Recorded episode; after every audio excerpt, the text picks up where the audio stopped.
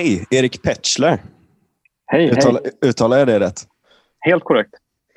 Fan vad gött. Vad kul att Mm. du eh, vill vara med.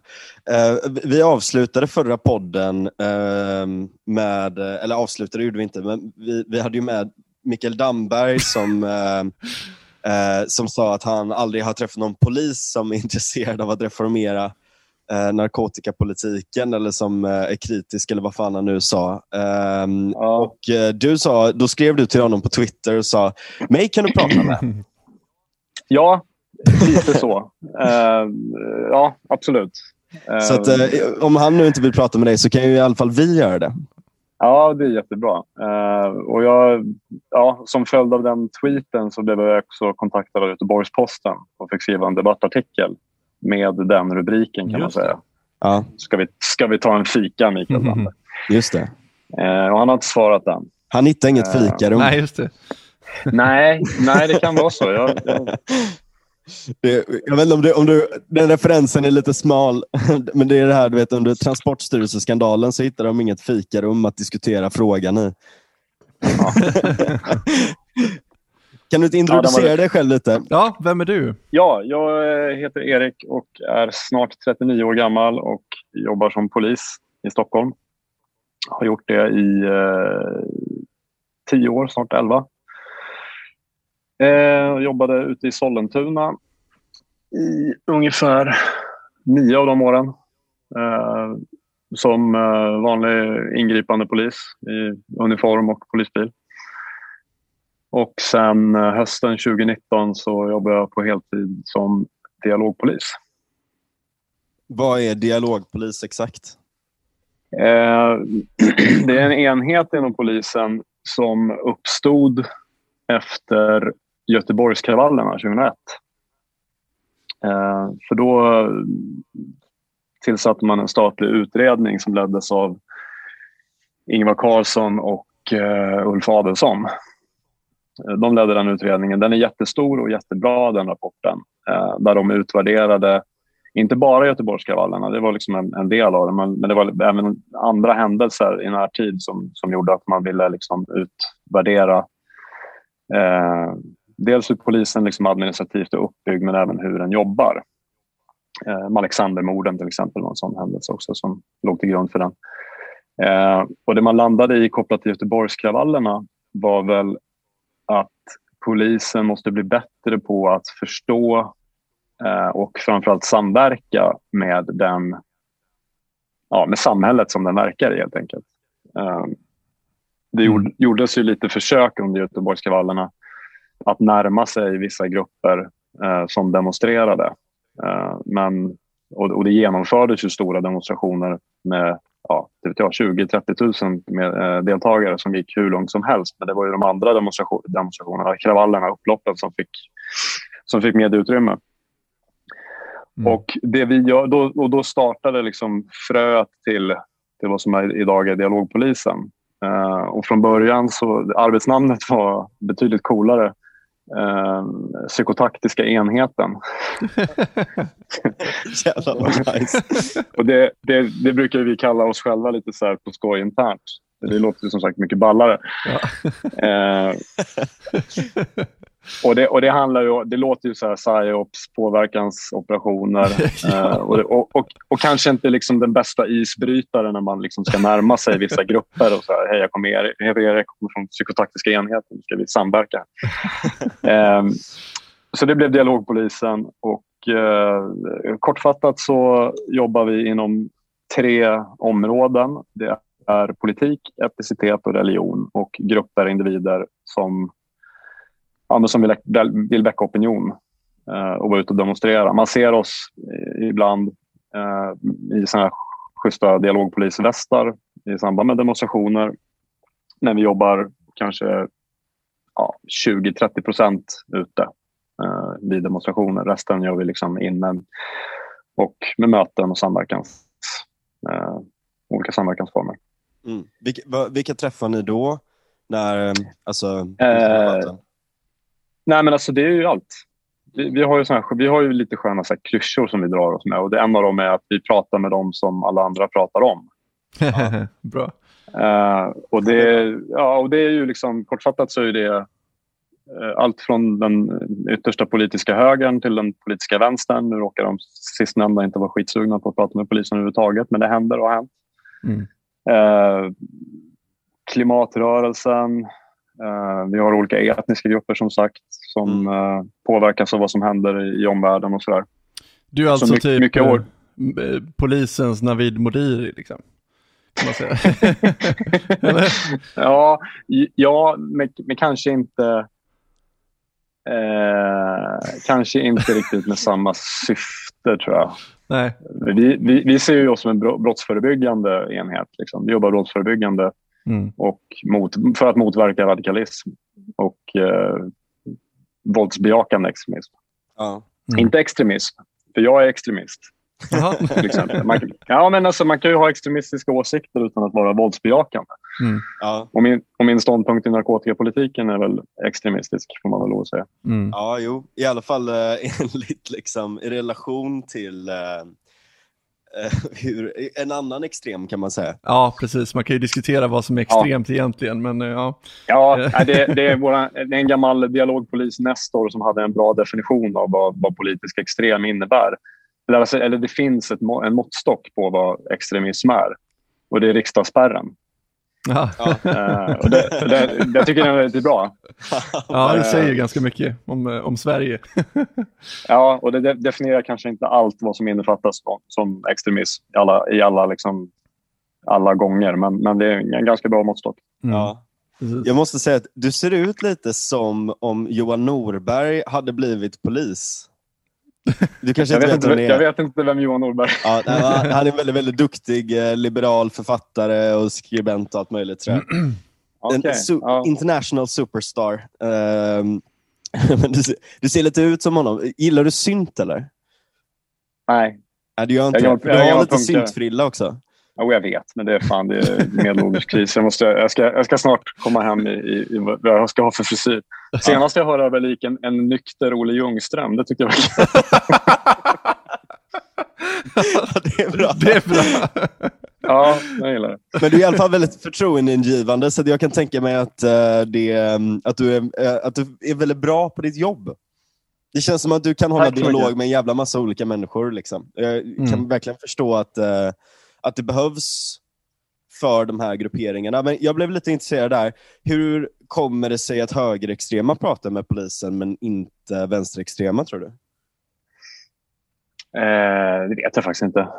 Nej. Om jag ska gissa och utan att liksom gå in på och tala för olika grupper. Det, det gör vi inte. Liksom. Men, men eh, jag tror att det har med ideologi att göra. Och Sen ska vi inte dra för mm. stora växlar på, på liksom, relationerna mellan högerextrema...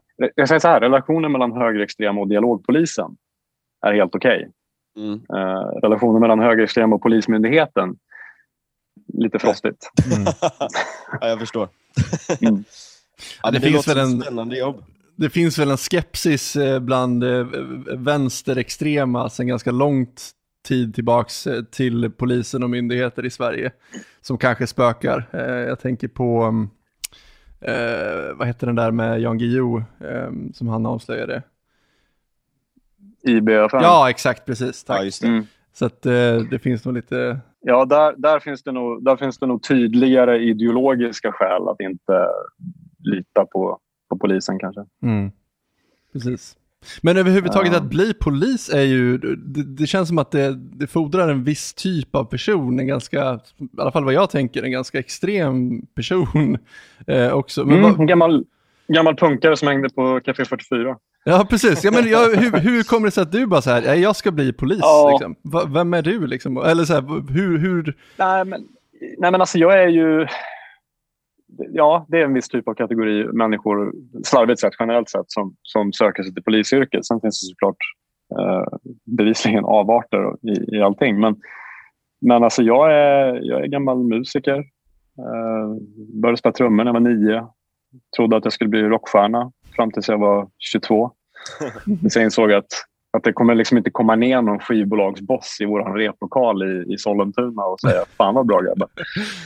Eh, så det, var, det var det. Liksom. Och, så, och, och sen efter gymnasiet så jobbade jag på, på förskola jättelänge. Fram tills, ja, egentligen fram tills jag började på Polishögskolan.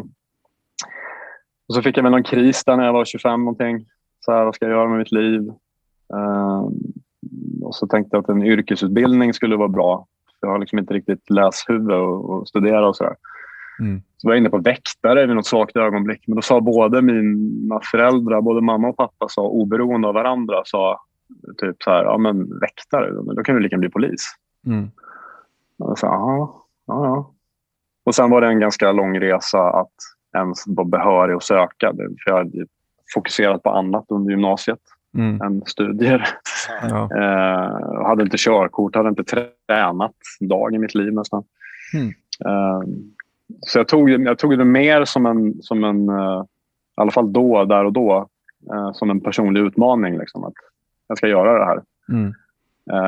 och kan väl än idag se tillbaka på och vara stolt över det. Mm. Att, jag, att jag klarar det. Liksom. Mm. Ja, det är inte helt lätt att klara. Nej, verkligen jag vet, inte. Jag vet, inte, jag vet inte hur det ser ut nu med tester och rekryteringar. Det ändras ja, mycket. Ja. ja, de kanske har dragit ner lite på... Um, det har varit lite snack om det där, att man ska dra ner krav och såna här saker. Ja, jag har inte hängt med riktigt. Jag vet faktiskt inte. Jag har bara hört uh, folk som har, ja, som har gått utbildningen mer nyligen än, än vad jag gjorde. Mm. mm. Men jag, alltså, för det är ju lite sån här, vad ska man säga, um, det skär sig lite liksom mellan punk och polis. Liksom. Uh, men, men samtidigt så kan jag tänka mig att, eller liksom, det, det, är verkligen bra att det finns olika sorters människor i poliskåren också som kommer från olika bakgrunder så att det inte blir så homogent. Liksom. Inte minst kan jag tänka mig för din roll också som dialogpolis. Ja, att du har rört dig i miljöer där folk har extrema åsikter kanske, eller sådär liksom.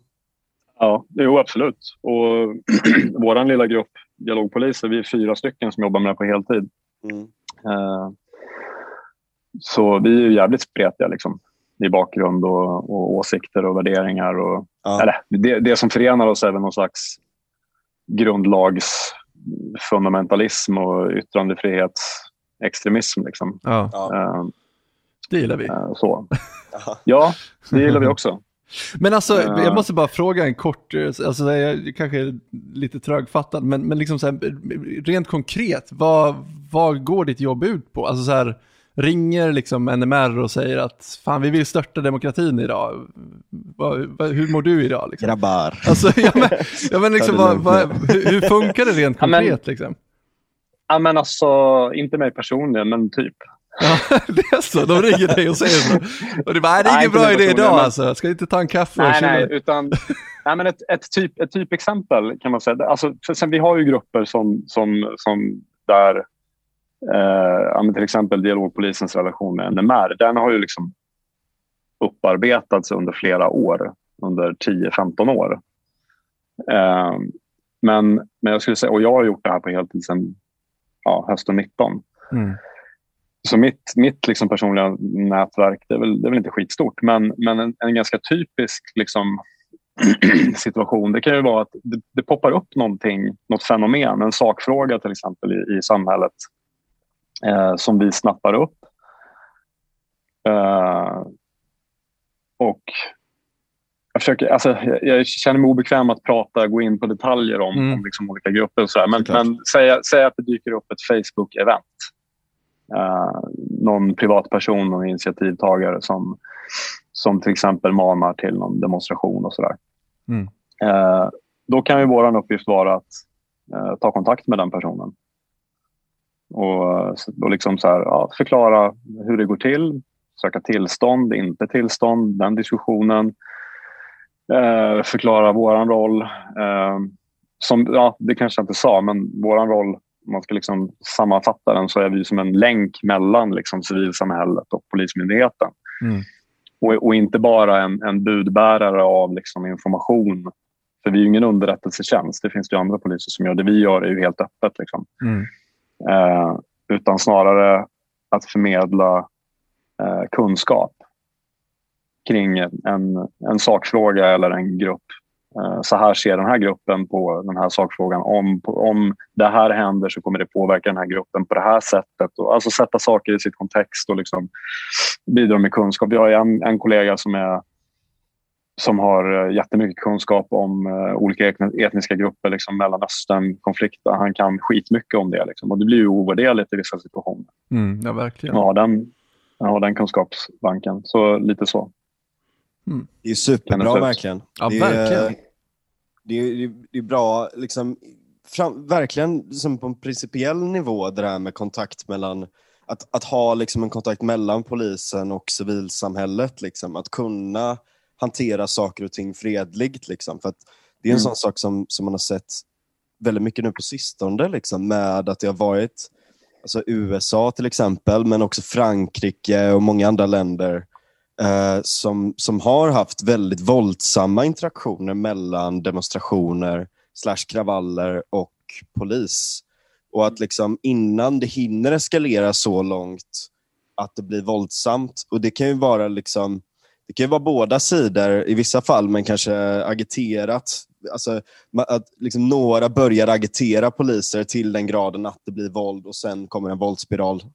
Liksom, mm. och hela den biten. Men att verkligen ha eh, poliser på plats som kan, kan sköta en sån kommunikation innan och skademinimera där. Liksom. Mm. Mm.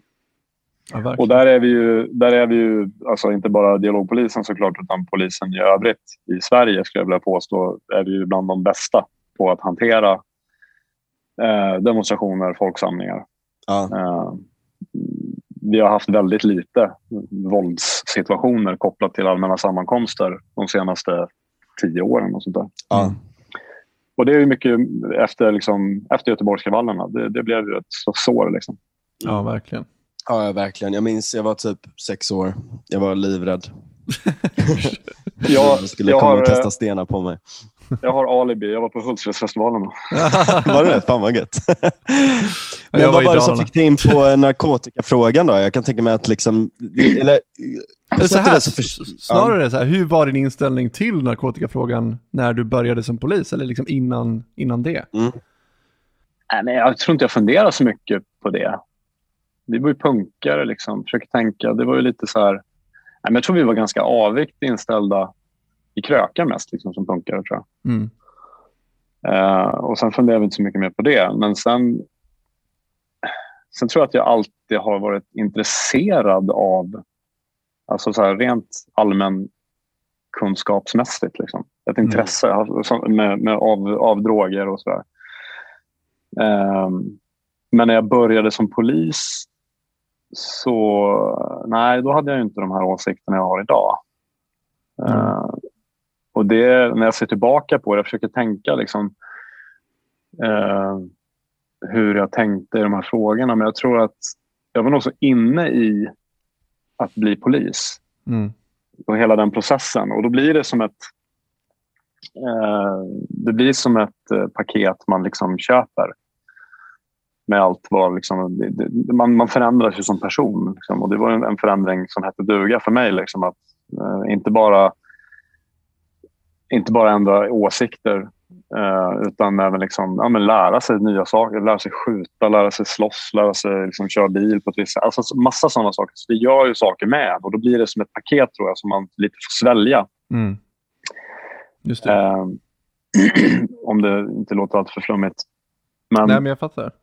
Men, men just mm. paketet kring liksom narkotikafrågan och sånt i liksom poli, polisutbildningen och, och, och så, hur, hur, jag vet inte om du minns det nu, men hur, hur såg det ut? Nej, jag gör ju inte det. Nej, jag minns inte det. Och, det. och det skrev jag på Twitter någon gång för några veckor sedan. Och då, fick, då fick jag den syrliga kommentaren av en annan polis. Eh, det märks naturligtvis. Ja, okay. men det var så här, ja, men jag, det säger inte så mycket om hur insatt jag är i narkotikapolitiken eller inte. Ja, var det så han menade? Ja, Aha, det var okay. så han menade. Hmm.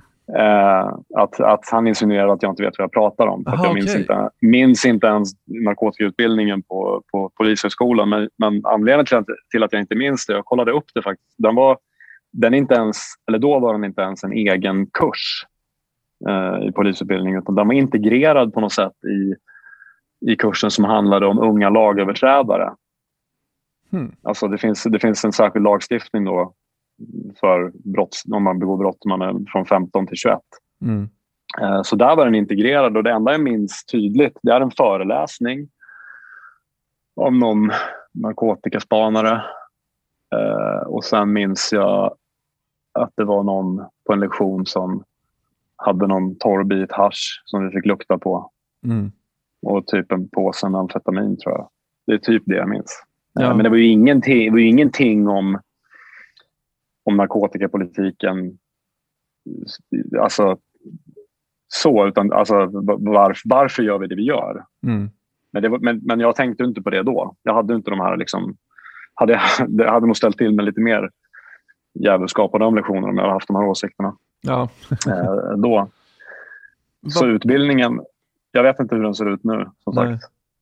Men, för, okay, men, men, men vad var det då var det något konkret sådär som någon, någon, enskild händelse eller vad var det som fick dig att liksom ändra spår? Eller från, alltså så här, inte ändra spår i att, att du har varit väldigt för Sveriges narkotikapolitik till att du har blivit Nej, det har jag inte varit. Nej, precis, utan snarare det här att vad var det som radikaliserade dig liksom, åt ett håll i den här frågan från en ganska neutral position?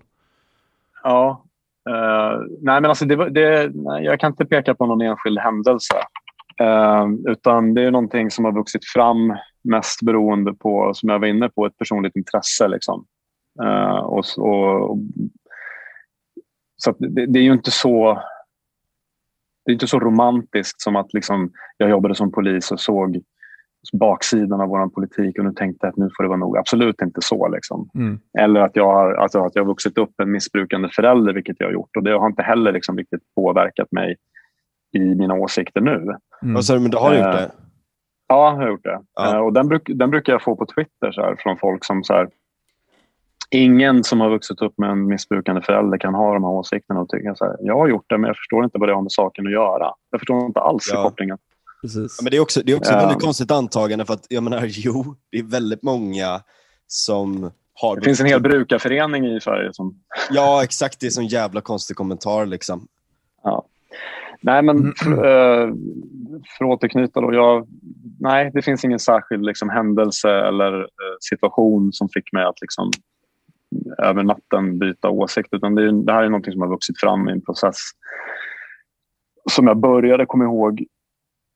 Jag började typ dela någon artikel, jag kan inte minnas vad det var för artikel, jag delade den på Facebook. Och där har jag inte mitt egna namn och jag har väldigt mycket polisvänner på Facebook och sådär. Mm. Så, jag, så jag kommer ihåg att jag var väldigt nervös när jag skulle dela den där artikeln. Det här är kanske fyra år sedan, kanske fyra, fem år sedan. Mm. Eh, och så tänkte jag så här, ja, det här kommer få, nu kommer jag få liksom massa skit på jobbet för det här. Vilken artikel var det sa du? Nej, jag, nej, jag kommer inte ihåg. Jag kan inte minnas ja. vad det var för artikel. Men det var någon artikel om, eller om problemen? Liksom. Ja, precis. Som kritiserade eh, narkotikapolitiken. Jag kan inte minnas riktigt vad det var. Eller om det var något klipp med någon debatt eller någonting. Jag vet inte. Ja. Um, men det hände liksom, jag fick inga reaktioner på det. Och, och, och, efter det så, så, fortsatte jag hela tiden. Liksom, att någon gång i veckan, någon gång i månaden så här, pytsa ut någon artikel med lite mer eh, ja, men radikalare budskap liksom, för varje gång. Och så ja, någon, Det hände väl att folk, liksom, eh, kollegor, då, liksom, kommenterade på de här artiklarna. Och liksom, det där var trams. Liksom. Ja, okay.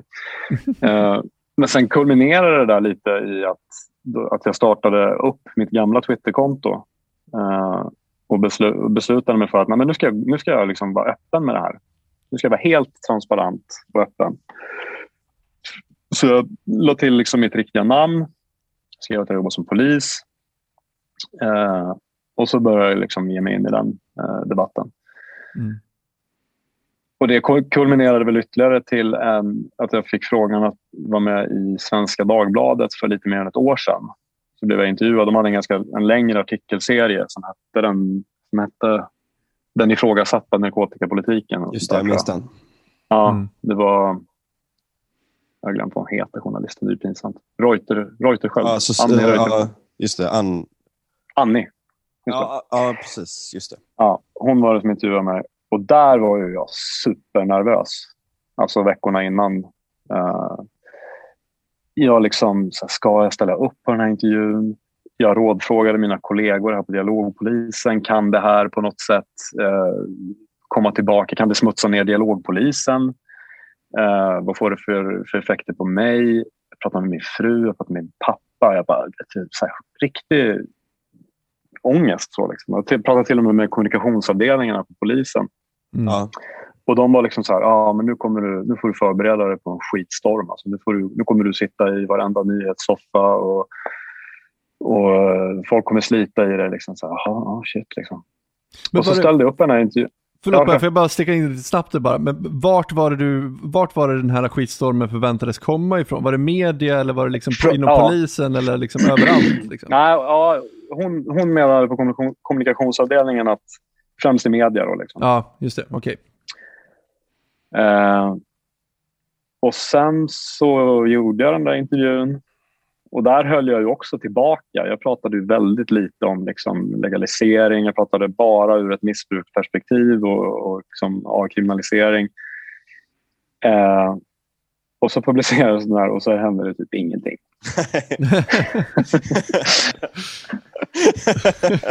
Jag, fick, jag, fick jätt, jag fick jättemycket positiv feedback på Twitter och av kollegor. Eh, inte öppet då, men... Mm. Uh, men, alltså, men, det var ändå så flera kollegor som uh, tyckte att det var... Ja, ja, ja. ja, ja, och det händer fortfarande titt som tätt. Jag får, får, massor, eller massor kan jag inte säga, men jag får, det händer då och då att jag får liksom meddelanden på Twitter, mail uh, från andra poliser, någon åklagare här och där. Ja. Min, mindre förvånande någon försvarsadvokat som, som liksom, ja men bra jobbat, kör hårt, det här, jag håller med dig, du är inte ensam med det här. Jo, det är jag. Ja. Alltså, då, då, får ni också säga det här. Liksom. Ja, ja exakt. För att ni sitter bakom, uh, ja, ja, jag blev, bakom jag blev smickrad, jag blev smickrad, ja, jag, blev, jag blev smickrad och glad i början när de där meddelandena kom. Men sen, nu blev jag bara irriterad. ja, men alltså det där är intressant. Alltså, just att, alltså så här, för min bild av själva polisen i sig, den kanske är felaktig, men, men man, den bilden man ser liksom av polisen, det är ju ofta de här Eh, SVT publicerade något litet klipp förra året av en polis här i Göteborg som, eh, ja men det var citat, jag älskar att jaga knarkare och så hade de en hel intervju med honom när han springer omkring utanför mitt hem här också. Känns ju sådär att han springer omkring på gatorna.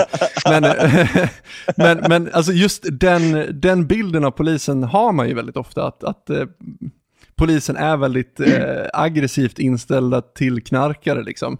Eh, och ja. så vet man om att det finns människor, eh, inte bara poliser utan även liksom jurister och andra som tycker att svensk narkotikalagstiftning är helt eh, uppåt väggarna men de säger ingenting offentligt. Alltså, mm. Men hur ser det ut? Hur är din bild liksom inom pol polisen? Hur, vad, vad, är folks liksom inställning till det? Alltså bakom stängda dörrar så att säga. Ja, alltså generellt sett så är det ju tyvärr till viss del så som du beskriver, som det här SVT-klippet. Mm. Eh, den, den är ju extrem den eh, liksom, framställan. Men, men det är inte konstigt att det ser ut så. Eh, jag vet att jag lyssnade precis och jag läste hans bok Magnus Linton. Ja, uh, lyssnade på ett, ett, ett, ett, äldre avsnitt av Aron Flams podcast där han intervjuar Magnus Linton. Mm. Uh, och hans bok Knark då, som de pratar om. Och det, där säger han då liksom att ja, men polisen är ju helt stöpt i den här politiken. Mm. Eh, de, de, vi, polisen har ju köpt hela det här liksom, narrativet som, som började på 60-70-talet med Nils Bejerot. Liksom. Mm.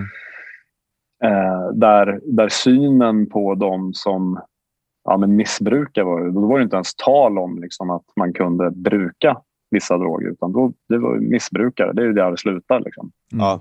Eh, och synen på de människorna var väldigt ja, men, ja, fruktansvärd, skulle jag vilja säga. Mm. Alltså, alltså man, de, man, pratar, man pratar om det som en smitta och som, och som skulle liksom smitta ner hela befolkningen. Och, eh, förslag om att skicka liksom, eh, människor i missbruk till något arbetsläger på någon skärgårdsö och sådär. Liksom. Och det låter ju helt barockt när man, när man sitter och säger så här, när man pratar om Men, men det är ju, det är ju där det är därifrån de här tankarna kommer. Mm. Det är på dem, det tankegodset vår narkotikapolitik vilar.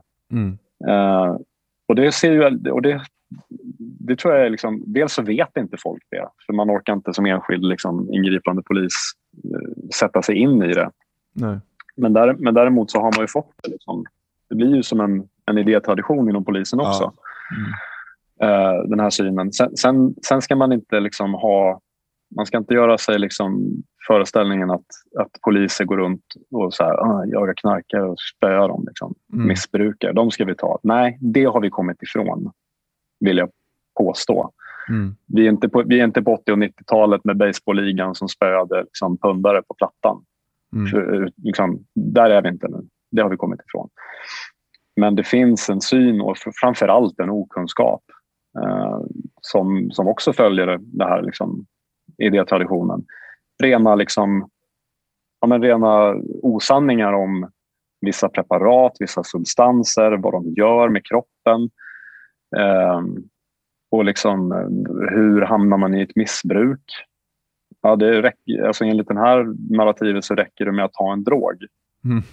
Medan ja. det, finns, det, finns, det finns rätt mycket som visar att nej, det krävs lite fler parametrar än så. Ja, exakt. Mm. Verkligen. Och, eh, men, men en sak som, som ändå består är ju, alltså, det finns, det finns ju fortfarande här, alltså jaktlystna nästan kvar. Dels på grund av, alltså, av statistiska skäl, alltså att jaga pinnar för att förbättra mm. statistik, uh, vilket SvD också har rapporterat om. Uh, men, men sen så är det ju också den här...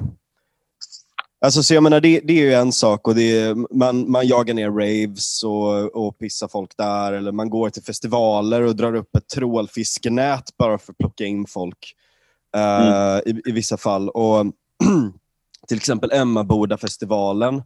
Ett av de sista åren som jag var där då innan de flyttade på grund av att uh, polisen Uh, polisen tog ju det som liksom en särskild uh, händelse så att de skulle mm. kunna få uh, hjälp från, alltså från Riks i princip då, att kunna putta in extra resurser som jag har förstått det. Mm. Ehm, jag kommer där... ihåg att du skrev om det där på Twitter. Ja. Jag kommer ihåg att jag kommenterade på det. Och så, och så, hjälpte jag dig med vad särskild händelse betyder. Just det. Ja. ja, just det. Jag kopplade det till att det är en sån här grej man brukar ta vid terrorattentat. Liksom. Jag tyckte bara det var en ja, rolig... Exakt. Men det är inte riktigt så allvarligt då. Nej, men, där... det, det, handlar ju mer om att, att det inte jobbar så många poliser i Emmaboda. Nej, precis. Mm. Men, men där är det ju, och det kan man ju förstå, att, att de kanske inte kan hålla upp det själv. Men vad som hände då var ju att alltså, det var eh, sinnessjukt. Liksom. De gick mm. runt och bara alltså, rev ut tält efter tält, eh, var aggressiva mot folk, var förnedrande mot folk och såna här saker.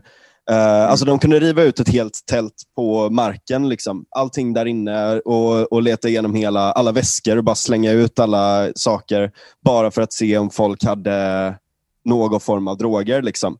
Uh, mm. och, och, bara gick liksom och i princip braidade alla camps liksom, där de hade kunnat få den minsta lilla misstanken.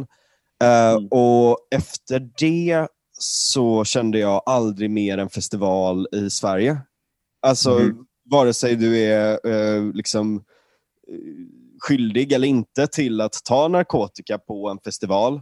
Jag till exempel gillar att eh, ta narkotika när jag är på festivaler. Liksom. Eh, men även, även om jag inte hade velat, eh, eller även om jag inte hade gjort det, så hade, så hade det varit fruktansvärt liksom, att alltid vara i skottlinjen för en polis som är så eh, ska man säga, hejdlös i, mm. i deras agerande. Liksom. Um, så att, jag menar, det finns ju fortfarande kvar de tendenserna och även nu skrev, skrevs det nyligen om um, vad heter det, en 16-åring som hade tvingats klä av sig naken mm, och, uh, och bli undersökt i, om man har stoppat upp knark i röven. Det hände mig också när jag var 16. Mm. Och Det var ju liksom lite det som väckte mitt engagemang i frågan för att jag blev helt paff över hur förnedrande och, och liksom elaka de var verkligen. Mm. Och Det här var ju tio år sedan nu, men, men uppenbarligen så är det någonting som fortfarande görs. Och man tvingar barn att göra pissprov framför polis och allt möjligt. Ja. Sådär. Så att, jag menar, det är ju inte helt över än, de tendenserna. Liksom.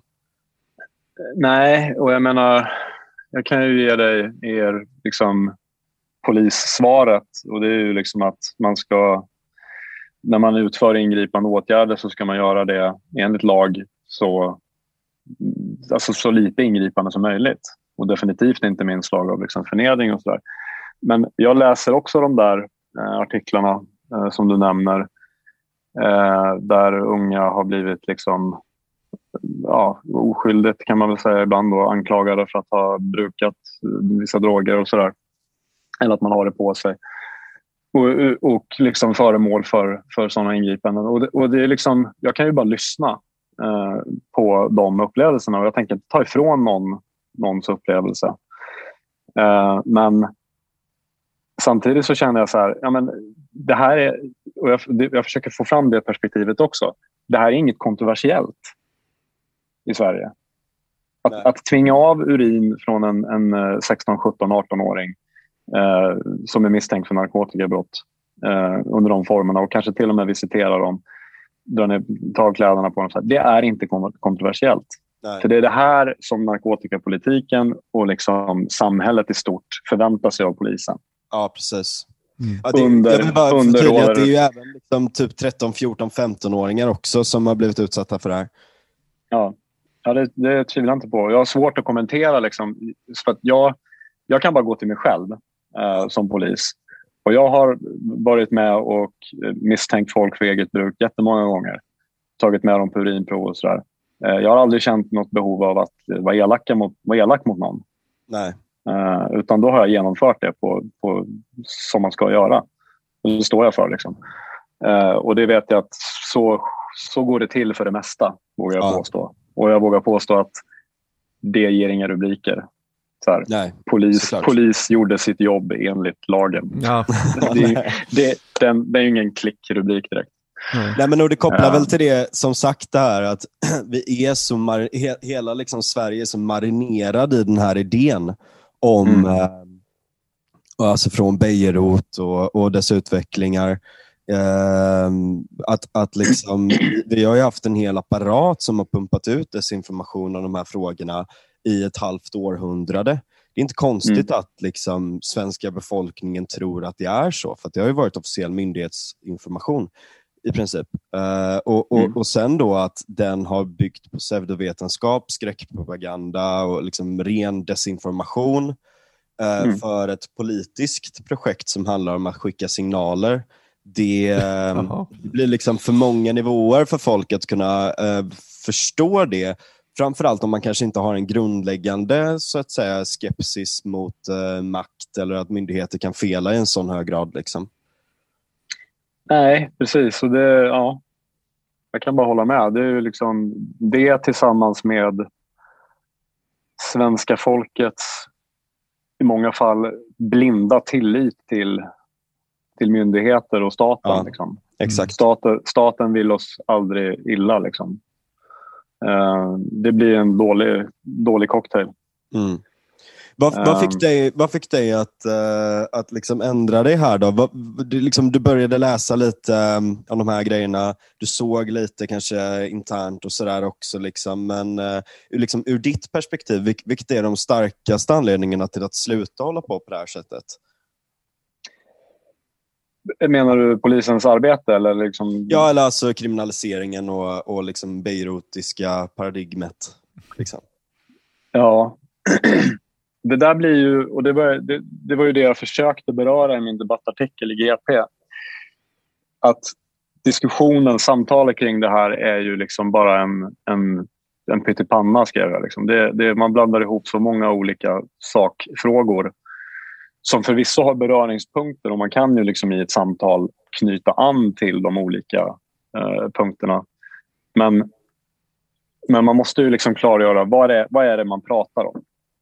Uh, och då tror jag att om vi ska prata om uh, det faktum att Sverige ligger så högt i narkotikarelaterade dödsfall. Uh, vi är väl högst i Europa fortfarande. Mm. Mm. Yep. och varför det är så. Och då tycker jag att man ska titta på för det första avkriminalisering av eget bruk, det är för mig liksom en no-brainer. Man ska, man ska inte se människor som, som är beroende av substanser, man ska inte se människor i missbruk som kriminella. För det är det vi gör. Och det är det liksom vår narkotikapolitik vilar på. Eh, menar jag. Folk säger emot mig när jag säger så, men det menar jag. Mm. Eh, och då får man titta på lösningar som eh, till exempel Portugal. Nu kanske inte deras version av avkriminalisering och, och liksom resursförflyttning från rättsväsendet till vårdsystemet eh, passar Sverige. Jag vet inte.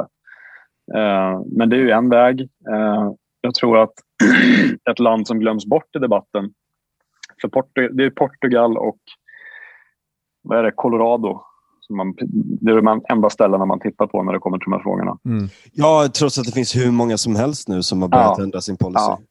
Och, ett, och ett land som man aldrig tar upp speciellt mycket är Schweiz. Verkligen som hade en, en, en, veritabel epidemi av eh, ja, men heroin eh, missbruk, heroinrelaterade dödsfall. Det var liksom eh, jättemånga människor som dog. Eh, och först så försökte polisen sig på någon slags eh, Christiania-variant och inrättade liksom som en så här, ja, men så här A-lagarpark för sprutnarkomaner. det, kallade, det hette Needle Park. Och det blev ju så här, ja men nu vet vi vart de är. Eh, de är där. Liksom. Och så ligger de där och dör i driver. Det var precis det de gjorde. Mm. Ja. Tills Schweiz, och jag lär mig aldrig om de har en president eller om de har en premiärminister. Det låter som de har en president. Va? De har ett jävligt komplext system med kantoner hit och det ja. ena ja. dit, så att jag vet faktiskt inte. Nej, jag vågar inte heller svara första. på det. Ja, säkert. Ja, säkert Nej, första. Schweizisk. Ja, säkert någon första. Kejsare. Ja, Schweiz kejsare. det låter bara rimligt. Kung. och, och då, då, beslutade hon, hon beslutade sig för att Nej, men det här, så här kan vi inte hålla på. Och så knöt man, sig, knöt, knöt man till sig olika forskare och expertis. Vad ska vi göra? Ja, men då landade man i att inrätta injektionsrum. Och det är ju inte bara enligt... Liksom, för en injektionsrum i Sverige det skulle bli en fullständig katastrof. För det skulle, då skulle landstinget sköta om det, eller regionerna, och då skulle det liksom bara haverera. Men där gjorde man ju så. Det, det, det, var en byggnad där det fanns injektionsrum. När man kom, man fick heroin. Eh, man uppmanades att röka sitt heroin för det är mycket säkrare än att injicera det. Eh, man gjorde så under upp, uppsikt av en sjuksköterska eller läkare. Eh, sen fanns det eh, kuratorer, samtalsterapeuter, psykologer. Det fanns en arbetsförmedlingsliknande eh, sektion. Eh, och, och, resultatet blev liksom att efter bara några månader så slutade de här människorna att ta heroinet. För de ingick nu i det här sammanhanget. De fick en väg tillbaka. Mm. De fick eh, i terapin då kanske gissar jag bearbeta sitt trauma som var anledningen till att de tog heroin för, för det första. Mm. Eh, och sen fick de kanske någon form av anställning i schweizisk regi, hur nu den mm. ser ut.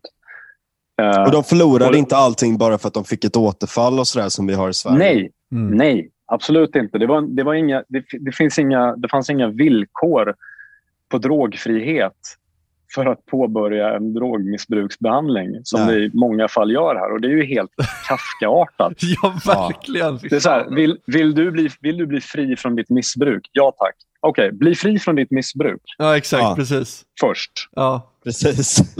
det, det, är som att köpa en flygbiljett när man redan är framme. Liksom. Det är helt sjukt. Ja, går, man kan ju skratta åt det, men det är också väldigt, väldigt tragiskt. För ja, det, är, det, är, väldigt många som far ja. extremt illa ut av det. Och Det kan vara så här, många som kommer in är ju inte heller, eh, det är inte så att du bara missbrukar en sak, utan du är blandmissbrukare. Så att jag menar, säg att du, eh, har, du mår skit för att du håller på att försöka sluta med liksom en specifik drog. Du kanske röker lite gräs för att take the edge off. Bam! Då är du körd. Då får du inte vara med i det programmet längre. Då blir du mm. liksom utkastad på gatan i princip. Mm. Och där finns, det ju, där finns det exempel på, jag kommer inte ihåg var, var i USA det var, om det var Kalifornien eller om det var Washington kanske. Där, där cannabis hjälper opioidberoende. Ja. För grejen med opioidberoende oftast, om man pratar liksom tabletter, alla fall de här Oxycontin, Oxascan och de här. Bieffekten av, av dem är ju att du får ont. En smärta. Fysisk mm. smärta. Mm. Eh, så att det första man måste göra är ju liksom att sluta ta de tabletterna för att då bli kvitt den här smärtan som en bieffekt. Men då, då är ju liksom, abstinensen är ju så ännu värre på något sätt. Ja. Uh, och då, har man, då såg man i det, då, vid det tillfället att man, de som de rökte cannabis för att lindra abstinensbesvären och liksom det, så här, så här, det här får man inte säga i Sverige. Mm, det, här är, det här är ju liksom det, det låter ju helt barockt i folks ögon. Men, men, det som är så mm. bisarrt med det, det är att man nästan ser cannabis som lika farligt. För att det är också ett missbruk och det slutar med heroin om man börjar med det. Jag tror inte att alltså, det har med det att göra överhuvudtaget egentligen. Jag tror bara att det här är ett, alltså svensken verkar ha någon idé om att allting som Eh, är lite obehagligt eller är problematiskt och så vidare, eh, så länge man distanserar sig från det så har man löst det problemet.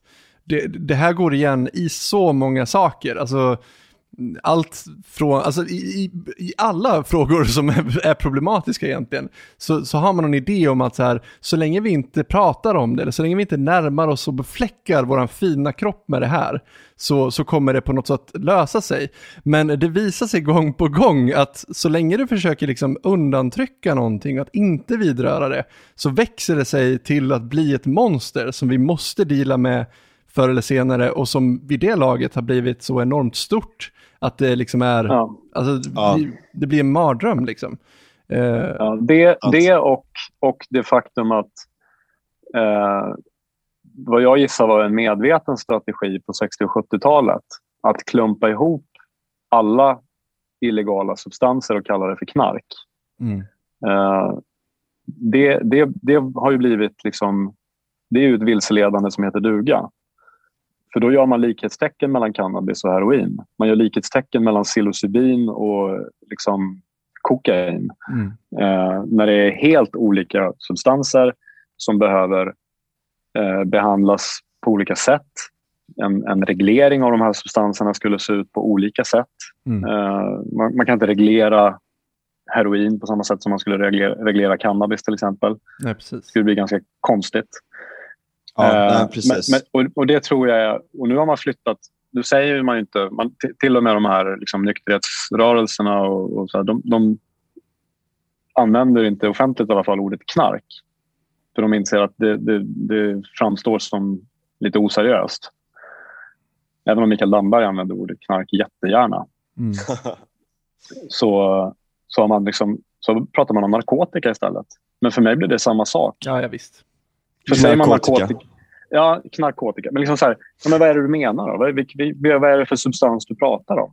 Ja. Ja men verkligen, och där, där, där är ju så en jävla bra poäng med att uh, till exempel de här brukarrummen, uh, att det finns ju så många olika sätt som man skulle kunna hantera en avkriminalisering eller en legalisering. För att ett, ett litet problem om man bara till exempel har sprututbyten som eh, är väldigt, väldigt bra för att stoppa blodsmittor och, eh, och ge en viss närhet till vården och terapi och alla de här sakerna som vi pratar om. Det är att det fortfarande kan leda till eh, överdoser om, om, eh, om det hanteras på det sättet. Danmark är ett bra exempel på det. De har, de har lyckats få ner skadorna ganska mycket genom att göra sådana här Uh, insatser. Men å andra sidan så är det väldigt många som säljer heroin runt de här klinikerna. Uh, vilket gör att det blir ett problem för uh, samhället runt om. Mm. Uh, och det blir konstig stämning och, och jävligt sketchy stämning ibland. Liksom. Och sen mm. det som de faktiskt säljer då, anledningen varför så många, alltså de överdoserar men de dör inte för att det finns sjukvårdspersonal på plats. Då. Men anledningen eh, är ju för att dessa preparat är nedsmutsade med annat i många fall. Fentanyl till exempel som är skitfarligt. Mm uh, i de här mm. sammanhangen och folk vet inte hur... Alltså det är väldigt, väldigt svårt att veta hur man ska dosera. Alltså folk tar mm. inte överdoser med mening uh, i de flesta Nej. fallen om det inte är liksom planerat självmord. Uh, och Det är för att man vet inte kvaliteten på det. Hur, ut, hur utspätt är det med random skit eller med andra droger? Mm. Uh, och Det gör att man inte kan planera injiceringarna, bam, så det leder till överdoser. Liksom. Mm. Um, så att, att kunna ha liksom, en försäljning på plats uh, eller någon form av alltså, att, man, att man ger ut det på plats och hanterar det som en vårdfråga uh, mm. är ju verkligen att föredra om man vill skademinimera helt och hållet i de här lägena. Mm. Uh, som jag har förstått det så mycket av, av dödsfallen och överdoser har ju inte varit liksom bara jag tog för mycket heroin Nej. genom sprutan i armen. Utan det har ju varit, mycket har ju varit uh, det här läkemedelsläckaget av substitutmediciner. Subutex, ja. uh, Suboxon heter de Ja, det är samma sak. Um, och det, där blir det också så här, det, och det har ju använts som ett slagträ i, mot skademinimerande åtgärder. Ja. obegripligt nog. Uh, men för mig handlar det om att, ja, som i Schweiz till exempel, där hade man ju inga substitutmediciner. Kanske i enskilda fall där en enskild patient är så liksom, i dåligt skick att den, den, inte, att den behöver trappa ner men det, det, man måste, han kanske inte liksom löser heroinet. Jag vet inte. Det kan ju Nej. vara individuellt. Liksom. Och att man där behöver sätta in kanske något läkemedel. Men, och, och, och, det har ju hjälpt jättemånga människor som jag har förstått det, som man har hört vittnesmål om. Men, eh, men, allt, men alltså, min poäng är man är så jävla lösningsfokuserad i det här. Inte bara det här, mycket annat. Och lösningsfokuserad har jag tänkt på de senaste veckorna det låter ju bra, eller hur? Mm. Det är något man skriver i CV. Ja. Så jag är lösningsorienterad. Ja, men vi, kanske, vi kanske ska frångå att vara så jävla lösningsorienterade hela tiden. Och kanske mer rikta in oss på hur förhåller vi oss till det här ja. på ett minst dåligt sätt. Verkligen. Och då måste man börja med det grundläggande. Folk kommer att ta droger. Japp. Folk har gjort tusentals år. Ja, det erkännandet har inte kommit än från politiker. Utan det handlar om att skicka signaler. Liksom, att nej, man ska inte ta droger. Nej, jag förstår att du tycker det. Och jag förstår att det är sådana signaler som ska skickas till mm. framförallt unga. Och det, det håller jag med om. Unga ska inte ta droger. Av olika skäl. Mm, nej, nej, absolut. Men sen måste man också inse och acceptera att ja, men det kommer folk att göra. Ja. Det var någon som, någon som drog parallellen till abort.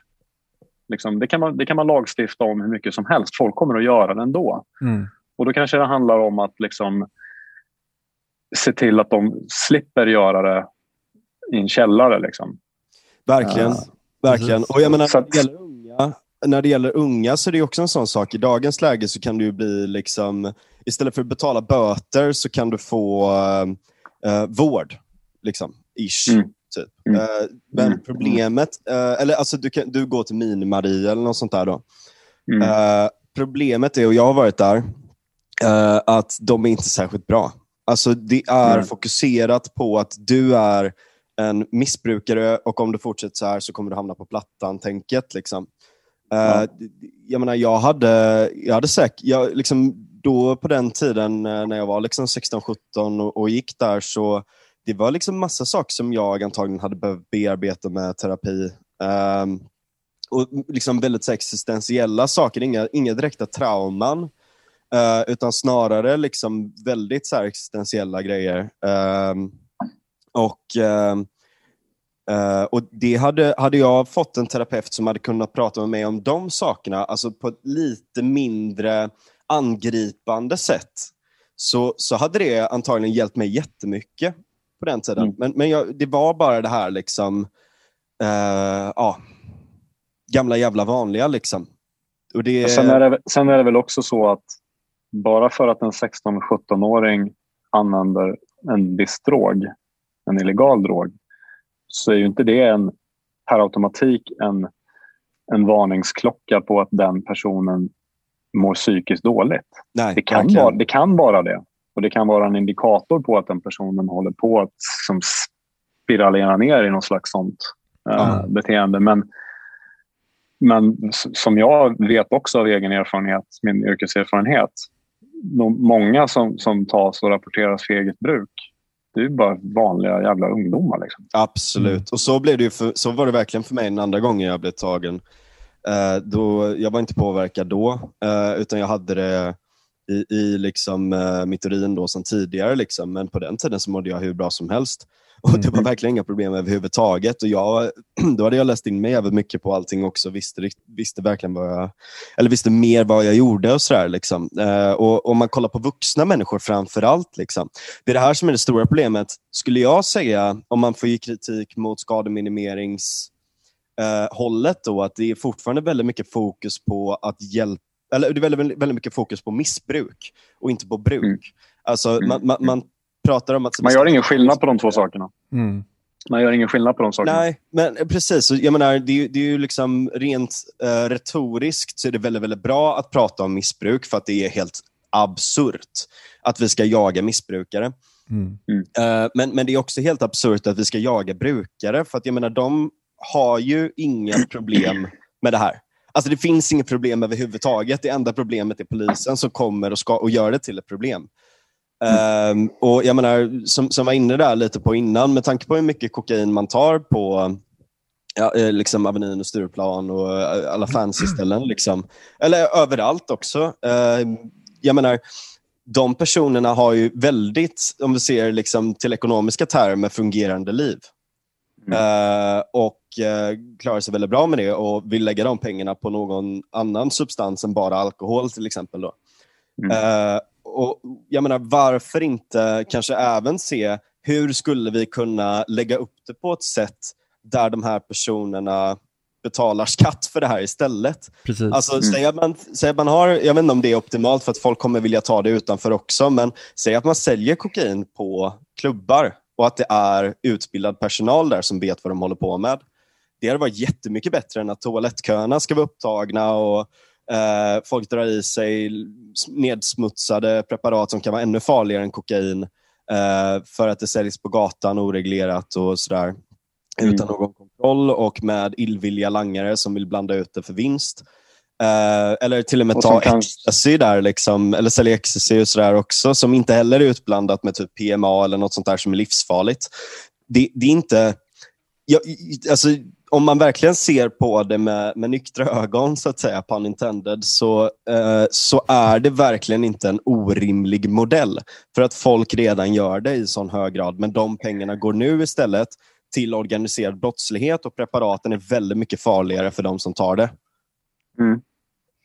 Ja, eh, och, men du, nu angriper ju du det här problemet med ett pragmatiskt förhållningssätt. Ja. Eh, och det, det, där är vi inte än i samtalet. Nej, det är sant.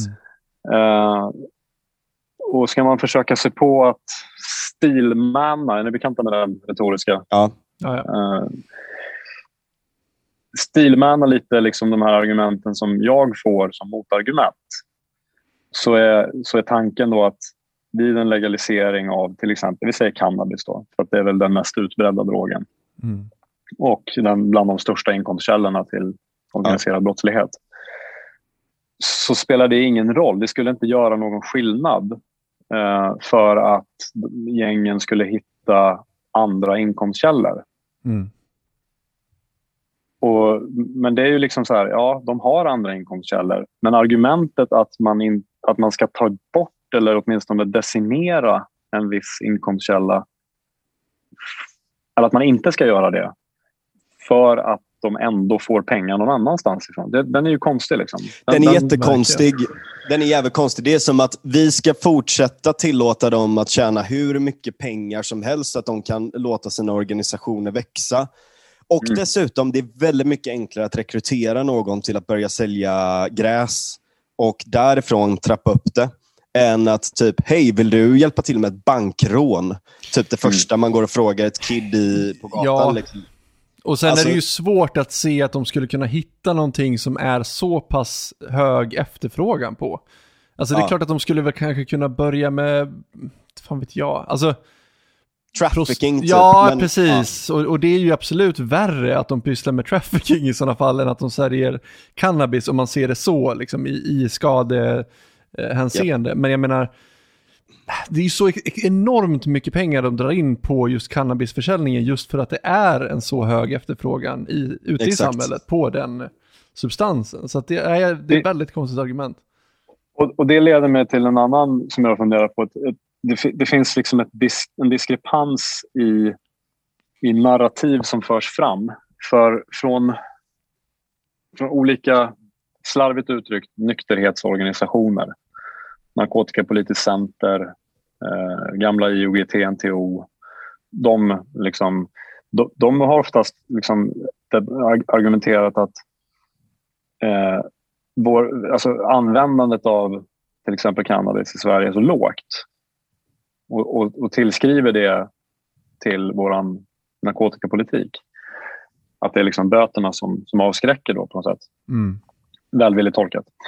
Eh, så att, och det skulle då inte motivera att man behandlar cannabis till exempel som, som man behandlar alkohol. För det är så mm. få som använder det. Alkohol är det väl vadå, 80% som använder. Mm. Eh, och, då, och då blir motfrågan så här, okay, så om 80% skulle använda cannabis, är det då motiverat med en legalisering och en reglering? Ja, det får vi se då. Liksom. Okay. Men så deras narrativ är att, att framföra att bruket är lågt, alltså våran, våran inslagna linje är framgångsrik. Ja, ja, men det... Sam, samtidigt så finns det ett annat narrativ som oftast förs fram av polisen. Och där har vi ju liksom knarket finns överallt, det breder ut sig, det finns i alla samhällsklasser. Eh, det är yngre och yngre som använder. Eh, och så vidare. och så vidare. De målar upp hela den liksom, baksidan av skuggsidan av det. Liksom. Mm. För det är det, enda vi, det är det enda vi ser såklart. Ja, det är inte konstigt. Men där finns det ju säkert incitament för att liksom, så här, ge oss mer resurser. det är lite så här, självklart. Mm. Men där är också en sån sak, jag menar de enda, alltså, det är väldigt, väldigt konstiga mätmetoder för att se hur många det är som faktiskt brukar. Liksom, för mörkertalen är så jävla stora. Och Det är väldigt många som drar sig för att skriva en sån sak. Ja, jag brukar de här, de här, de här drogerna. Ja. Eh, för att man är, alltså, antingen för att det finns en skepsis till att det kommer så här, du vet, att, att det kommer märkas, att det inte är så anonymt som man kanske tror, eller det ena och det andra. Så, här, så att det är ju liksom... Men också den här idén om att så här, eh, om vi förbjuder oss och förhåller oss väldigt så här, absolutistiskt kring en sak, då kommer det minska användningen av, eh, av drogen eller vad det nu är. Liksom. Det är inte ja. alls säkert att det, att det förhåller sig så. För jag menar, Nej. återigen, lite som jag var inne på innan, just om, om ett helt samhälle förhåller sig till en fråga att liksom, det här är någonting som befläckar samhällskroppen, så det ska vi inte ha med att göra överhuvudtaget. Eh, alltså att samhället ser det här som någonting destruktivt och någonting som är liksom vid sidan av samhället, eh, då kommer ju ganska snabbt eh, liksom ungdomar framför allt som är destruktiva kanske och inte mår så bra, de kommer ju leta sig dit. Liksom. Så att om du verkligen vill få mm. folk att bli, liksom, hitta någonting destruktivt så ska du ju göra på det sättet. Och, och, och dessutom man, så får de köpa då av en langare också för att de inte tar lägg. Precis, och, med, och det är ju det, mm. för jag, jag ska bara avsluta det, alltså, om man tittar då på länder som faktiskt har, förhåller sig mer pragmatiskt till det här, eh, jag menar Kanada har ju sett en halvering utav liksom, användandet bland eh, omyndiga personer, bara på två år. Liksom. Så, att, mm. så att det är det här, bara för att, här, om du nu vill se ett minskat användande av narkotika bland ungdomar, då är det inte så enkelt att tänka att ja, men då ska vi eh, liksom, eh, kriminalisera, vi, vi ska liksom eh, stigmatisera så mycket det går för att då kommer inte ungdomar vilja göra det här. Eh, nej, det funkar inte så enkelt, utan uppenbarligen så måste du förhålla dig lite mer pragmatiskt om du vill nå det målet. Och jag tror att verkligen, jag håller med. Jag håller med och jag tror att dessutom så har debatten, samtalet har bromsats upp av en liksom en, ett retoriskt, eh, liksom, vad ska jag kalla det, en tankevurpa där jag vill inte säga motståndarsidan, men de som, inte, de som är satta då att eh, försvara eh, det nuvarande systemet, den nuvarande politiken. Där de ber mig komma med goda exempel på varför avkriminalisering är ett bra förslag. Mm. Men, men det borde ju vara så att det är de som ska komma med goda exempel på varför kriminaliseringen är bra. En bra liksom, åtgärd. Marcus Heilich, Marcus Heilich eh, psykologen, psykiatrikern som var med i Sverige möts mm. och debatterade hon eh, Kristina Nilsson från socialutskottet. Han sa ju det, för hon, hon frågade honom det. Liksom. Hur kan vi veta att det här är bra? Och han sa, ja, har, vi, har, har vi nu haft flera regeringar med så här dåliga resultat så är bevisbördan ner. Exakt. Och det är jävligt sant. Det är jävligt verkligen, sant. verkligen. Mm. Inte minst också när det börjar komma väldigt bra resultat från andra håll som säger emot det och de dessutom står emot en utredning som är eh, som, som ens berör de punkterna som skulle kunna hjälpa. Liksom. Att, eller, absolut, fler vårdinsatser och sådär, superbra. Men Alltså att man inte ens vill se över de här sakerna som verkligen är elefanten i rummet. Att man aktivt går in från politiskt håll och medlar på ett sånt sätt, trots att riksdagen vill utreda det här, trots att SKR vill utreda det här, trots att eh, liksom, det finns påtryckningar från WHO, FN och Folkhälsomyndigheten. Alla möjliga instanser säger utred de här sakerna så står man emot det ändå. Sen mm. tycker jag, eh, jag gillar Heilish och jag tycker att han gjorde ett otroligt jobb i den debatten i SVT. Mm. Men eh, han är väldigt kategoriskt mot att man på något sätt ska diskutera en legalisering av produktion och distribution. Uh, och Jag förstår utifrån hans synsätt uh, och jag förstår att han um, ser det här från ett väldigt, väldigt pragmatiskt håll. Liksom. Men det blir lätt väldigt, väldigt snävt när man inte heller kan se att okej, okay, men om vi nu accepterar att vi inte kan ha det kriminaliserat, alltså med bruk, eh, eller som vad heter det? Vänsterpartiet vill ju eh, avkriminalisera bruk och inte innehav också, vilket är väldigt, väldigt mm. konstigt. Eh, ger incitament att bara svälja allting i princip. Men, eh, Uh, men, men liksom att man bara ser de sakerna och att man inte kan se det sen då till hela systemet runt om. För jag menar, produktion och distributionssidan är ju det som verkligen gynnar den organiserade brottsligheten. Och det kommer vi mm. inte komma åt med bara avkriminalisering. Utan, Nej, verkligen inte. Och jag tror att, och det som jag var inne på, det här är, det här är olika frågor. Ja, det är det. Uh, Absolut. Och, och, och, det har blandats ihop medvetet och det blandas ihop nu av ren okunskap. Ja. Uh, där, där vi har en justitieminister som inte vet skillnaden mellan legalisering och, och avkriminalisering. Mm. Medvetet eller inte, det låter jag osagt. Jag vet inte vilket som är värst. Uh, men, men det är olika saker och jag förstår att Heilish pratar ju exklusivt ur ett vårdperspektiv. Exakt. Han, pratar, han pratar ju om det han ser och det han gav uttryck för. Liksom att han ser att patient, den här lagstiftningen står i vägen för att patienter eh, vill söka hjälp. Mm. Um, så det är olika frågor. Och jag tror att alltså hur frustrerad man än kan bli på, i sina kammare så tror jag att man, i alla fall jag, försöker att ta lite baby steps i ja. det här. Och, och, för att, om inte annat, förtydliga och förklara vad, vad är det vi faktiskt diskuterar. Verkligen, verkligen.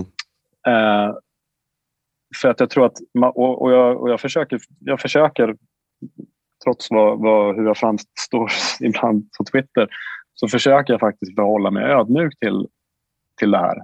Mm. Och speciellt inåt i mitt eget yrke. För där, alltså jag förstår ju att det finns poliser som ja, men de har lagt ner hela sin, byggt hela sin yrkesidentitet kring det här eh, narrativet. Kring att liksom på gatunivå eh, sätta dit langare, smålangare, eh, rapportera eget bruk, vilket fortfarande är det man rapporterar för, liksom majoriteten. Av ja, exakt. Och innehav, det är, båda de två är typ 90 procent av allt eller mer. Ja, och vad innehav, jag tror att det finns en procentsats på hur mycket, alltså det är väl under 20 gram eller under 15 gram är typ så 70 procent ja, av det. Eller någonting.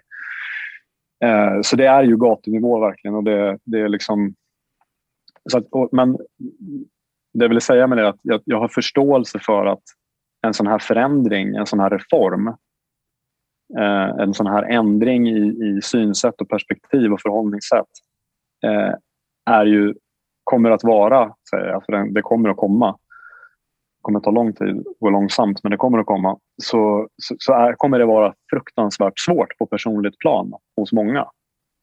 Absolut, mm. verkligen. Och det måste, det, måste man, det måste man ha lite respekt för, tror jag. Annars blir det pajkastning. Ja, nej, verkligen. Och jag, jag tillåter mig själv att vara extra radikal. Liksom. Jag har jobbat med den här frågan med baby steps länge, så jag börjar bli lite otålig. Liksom. Mm. Ja, jag med. Jag, med. Jag, jag, jag radikaliserades ytterligare när jag lyssnade på, på Carl Hart ja. och, hans, och hans bok. Och då var det var till och med liksom för mig bara wow.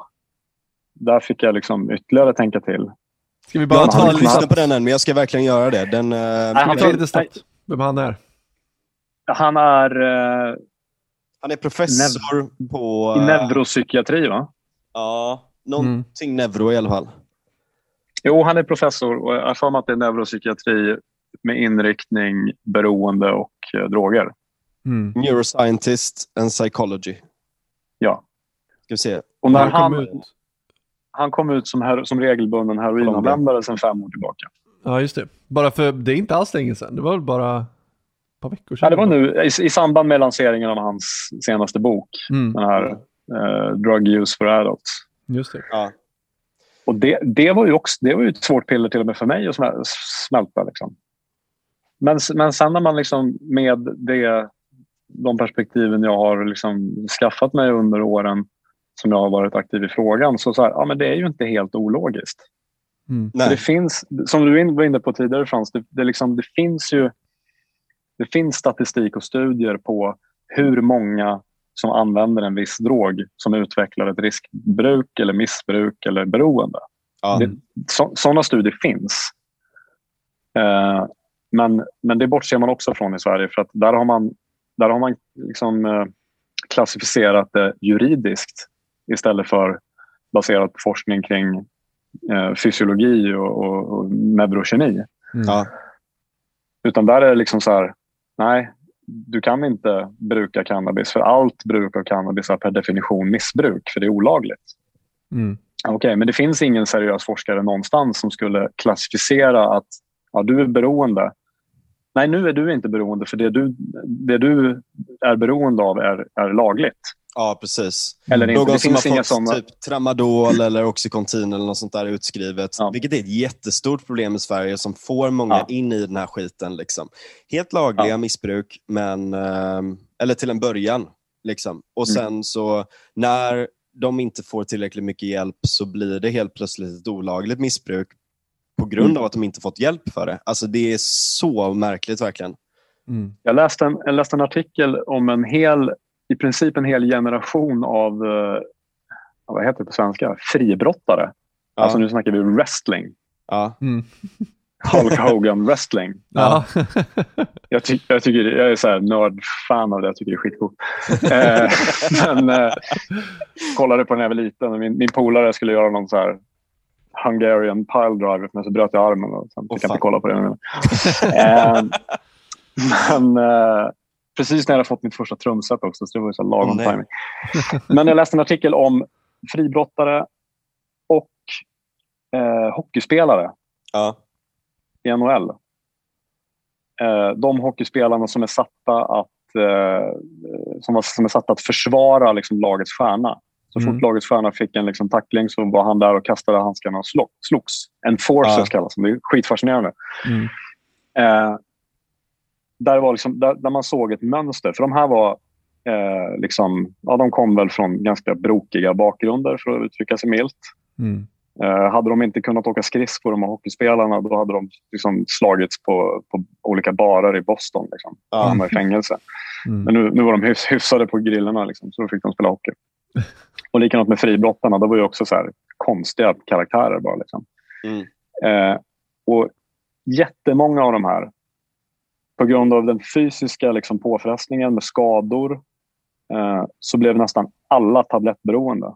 Mm. Och så fick smärtstillande eh, starka tabletter utskrivna. Tills de inte fick det längre. För läkarna säger ju till slut stopp. Mm. Och, så gick all, och så gick alla ut på gatan och började med heroin istället. Liksom. Mm. Och det är, så, det är så ett klassiskt mönster. Liksom. Uh, ja. där, där, där, om, där, där behöver man inte ens vara en, en sån patient liksom, för att inse att det är, det är så vattentäta liksom, skott mellan, i Sverige då pratar jag, i, mellan liksom, psykisk ohälsa. Vem, vem är det som tar hand om det? Eh, beroende, vem är det som tar hand om det? Och, så, och det har jag liksom, liksom ja, nu svamlar jag iväg lite här, men eh, det var ju jättevanligt som polis att man kör någon människa till eh, psykakuten för att den mår dåligt. Alltså en frivillig transport. En ja. människa som säger jag mår dåligt, som vi träffar på i något sammanhang. Jag vill till psykakuten, okej. Okay. Eh, men då är den påverkad av alkohol eller något annat och då får den börja på beroendemottagningen. Mm. Trappa ner. Eh, och det är hela tiden så här, nej, du är missbrukare. Nej, du är psykiskt sjuk. Alltså så här, man ser inte sambanden och man ser inte liksom, ja, att det här måste precis. behandlas som en, ett paket. Liksom. Mm. Inte, för jag tror att det är så att beroendevård är väl kommunal regi? Va? Uh, ja, det eller är det tvärtom? Väl vara. Inte... Och psykisk, nej, det... psykisk, psykvården ligger landsting eller regionerna? Jag vågar inte eller svara på det. Jag det vet inte. Tvärtom tror jag. Det kan vara... Men att inte det är en liksom, instans som har det huvudgripande ansvaret där och inte ser att det, liksom, det går i varandra. Nej, precis. precis. Mm. Uh. Ja, nej, det är verkligen helt sjukt hur, hur man inte... Alltså, det är som att liksom, principerna står före att man ska kunna se det från hela bilden. Liksom. Mm. Mm. Ja, vi, har ju, vi, har ju, vi har ju visionen av drogfritt, eller narkotikafritt samhälle. Ja, det, det, för, det för med sig väldigt mycket konstiga dogmer. Liksom. Ja. Jag, jag, måste bara fråga, liksom, inom, inom polisen och sådär, hur ser ni på, alltså på tal om hela bilden, liksom, hur ser folk på kopplingen liksom, med organisering? Vi var inne på det lite innan, men så här, hur stor andel av intäkterna är eh, till exempel cannabis eller droger överlag? Liksom? För gängen? Ja. Kriminella nätverk? Ja. Jag, jag, jag, jag personligen vet inte och jag vet inte om det finns siffror på det. Nej. Men, eh, ja, det är svårt att veta för man vet ju bara det man får tag på. och sådär. Ja, precis. Uh, men att det hanteras mycket pengar. Ja. Det står ju klart. Sen, sen vet inte jag på vilken nivå polisen... Alltså, jag jobbar ju inte med kriminella gäng. Jag vet inte. Jag har aldrig gjort det heller. Nej. Uh, så jag, jag, har faktiskt ganska dålig insyn i, i detaljerna kring ja. det. Jag, fattar. jag vet, jag vet att de, de sysslar väldigt mycket med bedrägerier också. Mm. Mm. Uh, för det är också sjukt lätta pengar. Ja, jag ville bara dubbelkolla det. uh, för alltså, jag menar, Det är också hela bilden och sånt där också. Jag menar, att man lämnar de här personerna i liksom händerna på personer som kanske inte vill dem så jävla väl. Mm. och som är enkla att bedraga också med dåliga produkter och det ena och det andra. Alltså, du blir ju helt lämnad till ett system som är fruktansvärt i de här lägena. Så Det är mm. liksom många dimensioner på, på det liksom när de här personerna väl sitter. Det är väl det enda som stämmer hyfsat med uh, det här gateway-teorin. Ja, jo, att, alltså, jag menar du kan bli om, introducerad om, till värre preparat exakt. av en langare. Jo, Exakt. Så det, fin det, det, liksom, det, finns ju ingen på bolaget. Om jag går ner och köper fyra bärs på fredagen liksom, på bolaget, mm. då är det ingen som jobbar på bolaget som kommer fram och säger “ska du inte ha lite vodka också?” Nej. Nej. Alltså, här, det, jag vill också det... att det ska finnas paketpris på öl vodka, men uh, det är för att jag är en extremist. ja. Men uh, så det, det, är väl enda då liksom, att man köper, man vill köpa cannabis och så säger han ja, tramadol också. Liksom. Mm. Ja.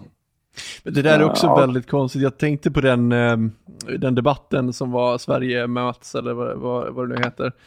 Mm. Den polisen de hade med där sa, sa ju också den här grejen att så här, alla tunga missbrukare som jag har träffat, alla började med cannabis. Som någon sorts bevis då för att om du börjar med cannabis så kommer du sluta som en tung missbrukare.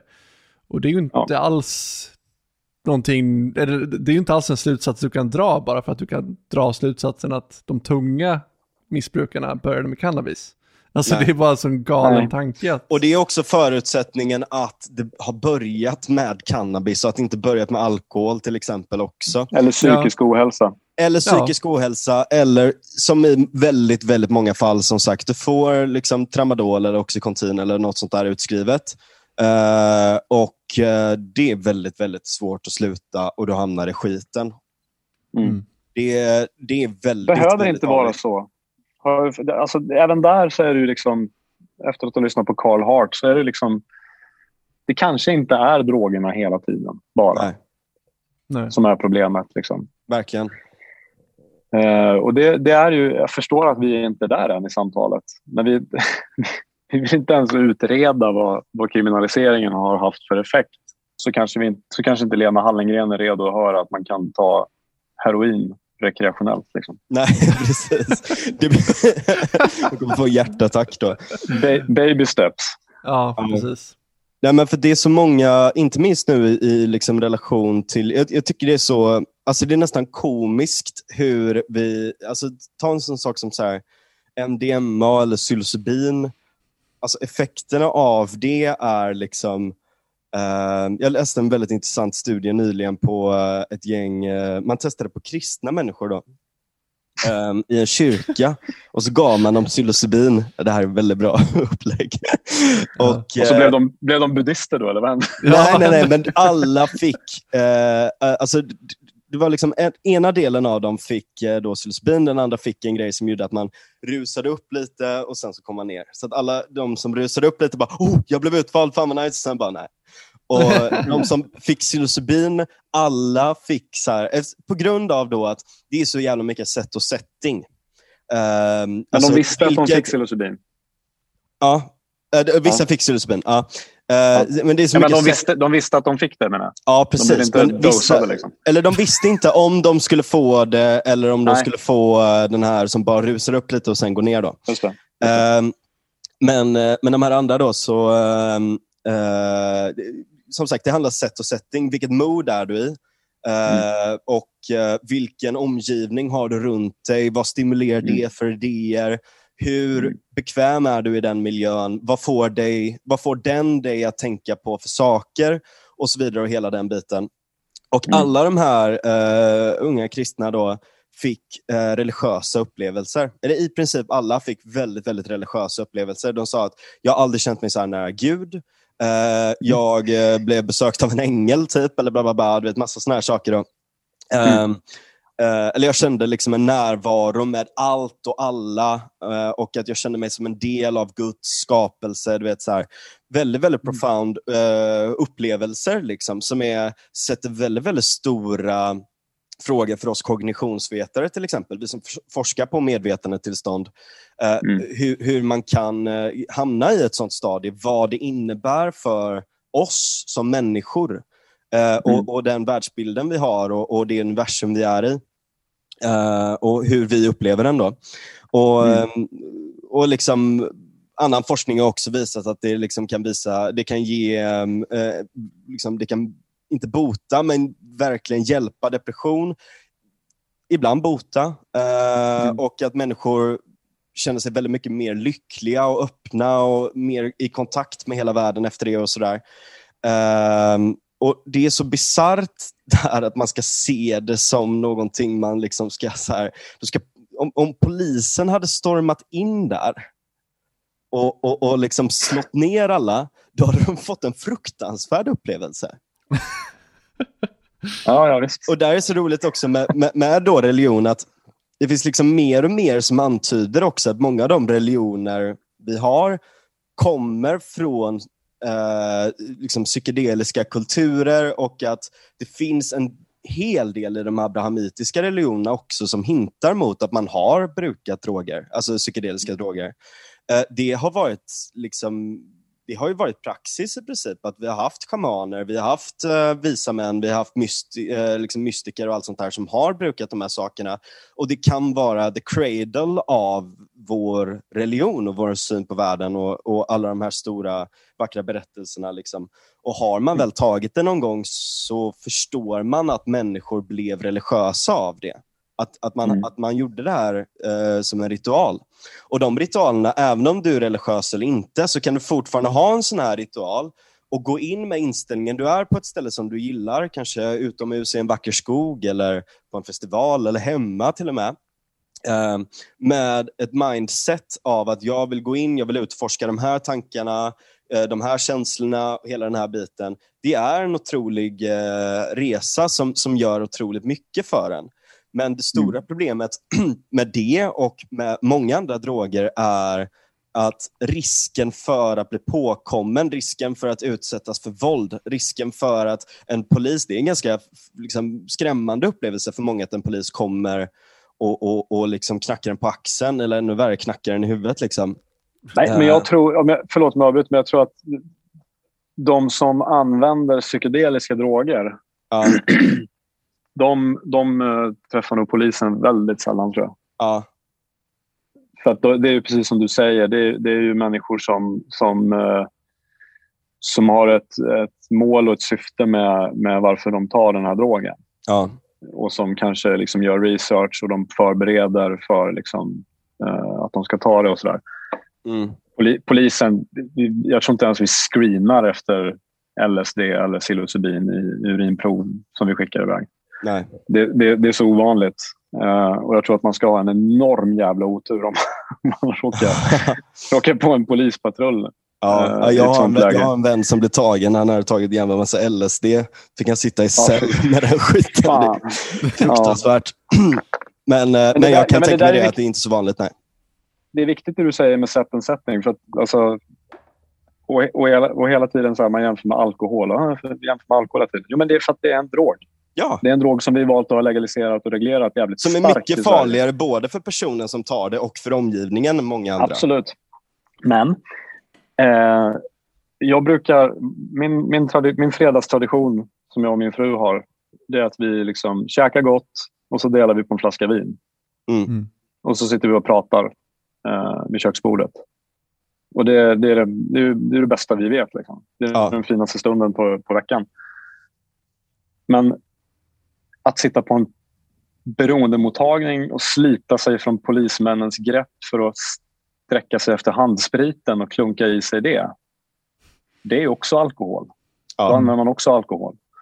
Eller att liksom, ett mindre extremt exempel, köpa liksom tre Åbro 73 klockan 10 på morgonen och hälla i sig de butiksvarma.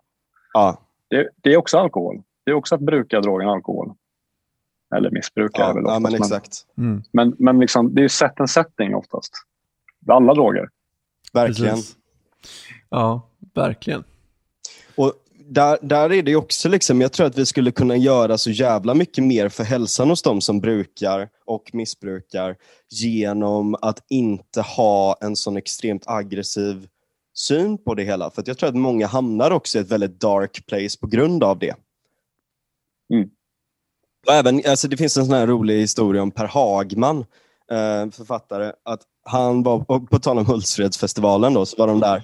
Och så, han hade tagit MDMA eh, och så kom polisen och så här, du ser lite påverkad ut här.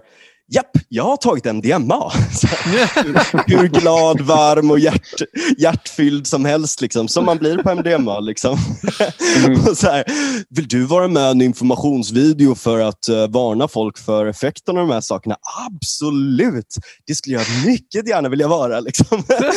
så han in och sån här, där han pratade om hur magiskt och underbart och la la la. Sen så lyckades hans polare, då, så här, jag tror det var Filip Hammar som lyckades, uh, alltså han Filip Fredrik, då, han lyckades övertala honom att äh, du, det här är nog ingen bra idé. Du får nog liksom dra in tillståndet för dem att få använda det där. Liksom. Men det, det, är så roligt det där också hur liksom en del av de här effekterna från droger krockar så mycket med den här väldigt hårda bilden av att man ska bekämpa droger. Liksom, för att de är inte så jävla farliga om det görs rätt. Liksom. Mm. Där finns det ju liksom en lång historia internationellt också. Liksom man tittar på om man läser amerikansk droghistoria. Och liksom, ja, men 68-rörelsen, medborgarrättsrörelsen, eh, hippierörelsen. Det var, det var ju så den repressiva delen av liksom, War on drugs började. Ja. Uh, och för att slänga kan... in svarta i fängelse för att slavarbeta. Det också. Och blev ännu tydligare på 80-talet med crack-epidemin. Ja. Där man, det, finns också, det finns en dokumentär på Netflix nu som är ganska nyutkommen som heter Crack. Mm. Som jag såg på. Uh, där Carl Hart är med också. Ja. Där är också så här, synen på substansen. Där man till och med tar samma substans. Olika intagningssätt, lite olika preparationssätt. Ja. Och säger att det ena, det vita pulvret, det är en överklassdrog och det är dyrt som fan och det är liksom gräddan som använder. Men det här kristalliserade som man kan röka genom en enkel process som är billigare. Mm. Det, det, är döds, dödsknark och det är liksom skitberoendeframkallande och förstör ditt liv. Bara så. Det är samma drog. Mm. Uh, och nu senast är det väl en, kom det ut en varning om uh, metamfetamin, kristalliserat metamfetamin.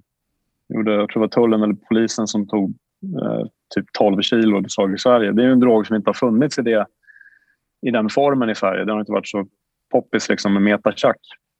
Mm. Uh, men det kanske kommer. Men det är också så här, ja, men det är metamfetamin. Det är ju typ samma liksom som vi ger till uh, barn med ADHD-diagnos. Exakt. Mm. I form av Elvanse och ja, vad de nu heter. Uh, det, vi har väl inte Adderall, i, Adderall i, i, Sverige, det är väl något annat. Jag tror att det är Elvanse som Ja, men vi har ju olika former av tillfenidat, så här, Ritalin och, mm. och sådär. Ja, liksom. Concerta och vad de heter. Ja. Mm. Ja, precis. Att, att det här är liksom sånt som finns överallt i samhället på samma sätt som många av de här andra drogerna vi har nämnt är i princip det är opiater liksom heroin och sådär också men, men uh, det ena är en kontrollerad miljö och det är inte lika farligt men det andra som inte är en kontrollerad miljö det är faktiskt jag menar det blir farligt på grund av att det är den här okontrollerade miljön. Mm. Mm. Det är, det är också en intressant eh, sån där, vem använder drogen och hur använder man drogen? Ja. Ketamin har väl som jag förstått det varit lite på, på uppfart vad det kommer till... Gud ja, det är supertrendigt alltså. I... Dep depressionsbehandling och sådär. Det finns väl till och med studier på Karolinska som håller på med, med ketamin ja. eh, för att behandla depression. Men jag läste lite om det och det är efter att ha lyssnat på Carl Hart som, som pratade om det. Det är samma drog som eh, kallades för, eller kallas för Angel Dust, PCP. Jaha, okej. Okay. Är det det? Ja, typ. Alltså det, är samma, det, det är inte exakt samma verksamma ämnen. Nej. Och jag är ingen kemist, men det, men det är liksom närbesläktat. Det är som ah, okay, eh, ja. Ipren, Alvedon, alltså den, ja. så. Så det är typ samma grej. Liksom. PCP blir... känns annars som en sån här jävligt så här typisk grej som, som är liksom exempel på en drog som ofta går alldeles för långt. Liksom. Och där, har, där, har ju, där är ju Carl Harts poäng att eh, ditt trendiga ketaminbruk eh, är inte bättre moraliskt sett än mitt heroinbruk till exempel. Nej. Mm. Och det, där har han ju poäng. Liksom, att det, det är droganvändning. Ja, verkligen. Och det är liksom det, det är knark höll jag på att säga. Ja, verkligen, Allting handlar ju om dos och, och, hur ofta man gör det, hur mycket man tar och hur man styr upp allting runt om. Liksom. Och det är samma sak med alkohol. Jag fattar inte. Alltså, Damberg sa Uh, en sak som, som vi fastnade på i förra avsnittet. Det här med att ja, vi har lärt oss att hantera uh, alkohol och tobak och bla bla bla bla bla och det funkar. La, la, la, la. Bara, ja, men det kanske är just för att det är kontrollerat och reglerat och uh, beskattat och att det finns en fungerande sjukvård runt det som inte är helt stigmatiserande och så vidare. Liksom. Mm. Jag menar, och sett till allt sånt här och sett till de enorma problemen som det innebär för organiserad brottslighet Eh, att polisen måste lägga ner så otroligt mycket resurser på att liksom, putta upp en sten för berget som rullar ner igen alla Sisyfos. Liksom, och allt sånt där, mm. så kan jag verkligen liksom inte förstå hur vi fortfarande kan vara så fast i bilden av att det funkar. Alltså, jag börjar bli helt så här, eh, jag börjar nästan skratta åt frågan för att den är så bizarr just nu. Mm. Vad, ja, vad, tror du, ja. Erik? Liksom, vad, vad, är framtiden? framtiden med det här? Vad, vad, kan man göra? Kommer det liksom, nu när Norge har beslutat sig om det här, mm. att, att, att, vi ska avkriminalisera, eller att de ska avkriminalisera, när det sker så mycket runt om i landet, hur ser du liksom på, kanske från polisperspektiv eh, i allmänhet, så där, kommer vi att kunna genomföra förändringar här? Ja, det tror jag.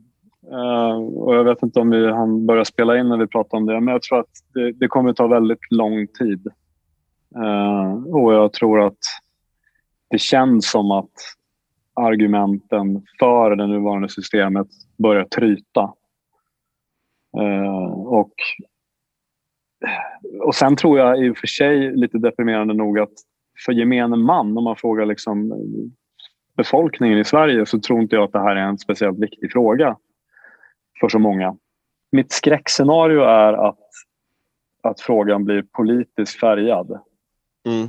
Att, att, och det finns tendenser på, man, man har gjort såna utspel från både höger och vänster.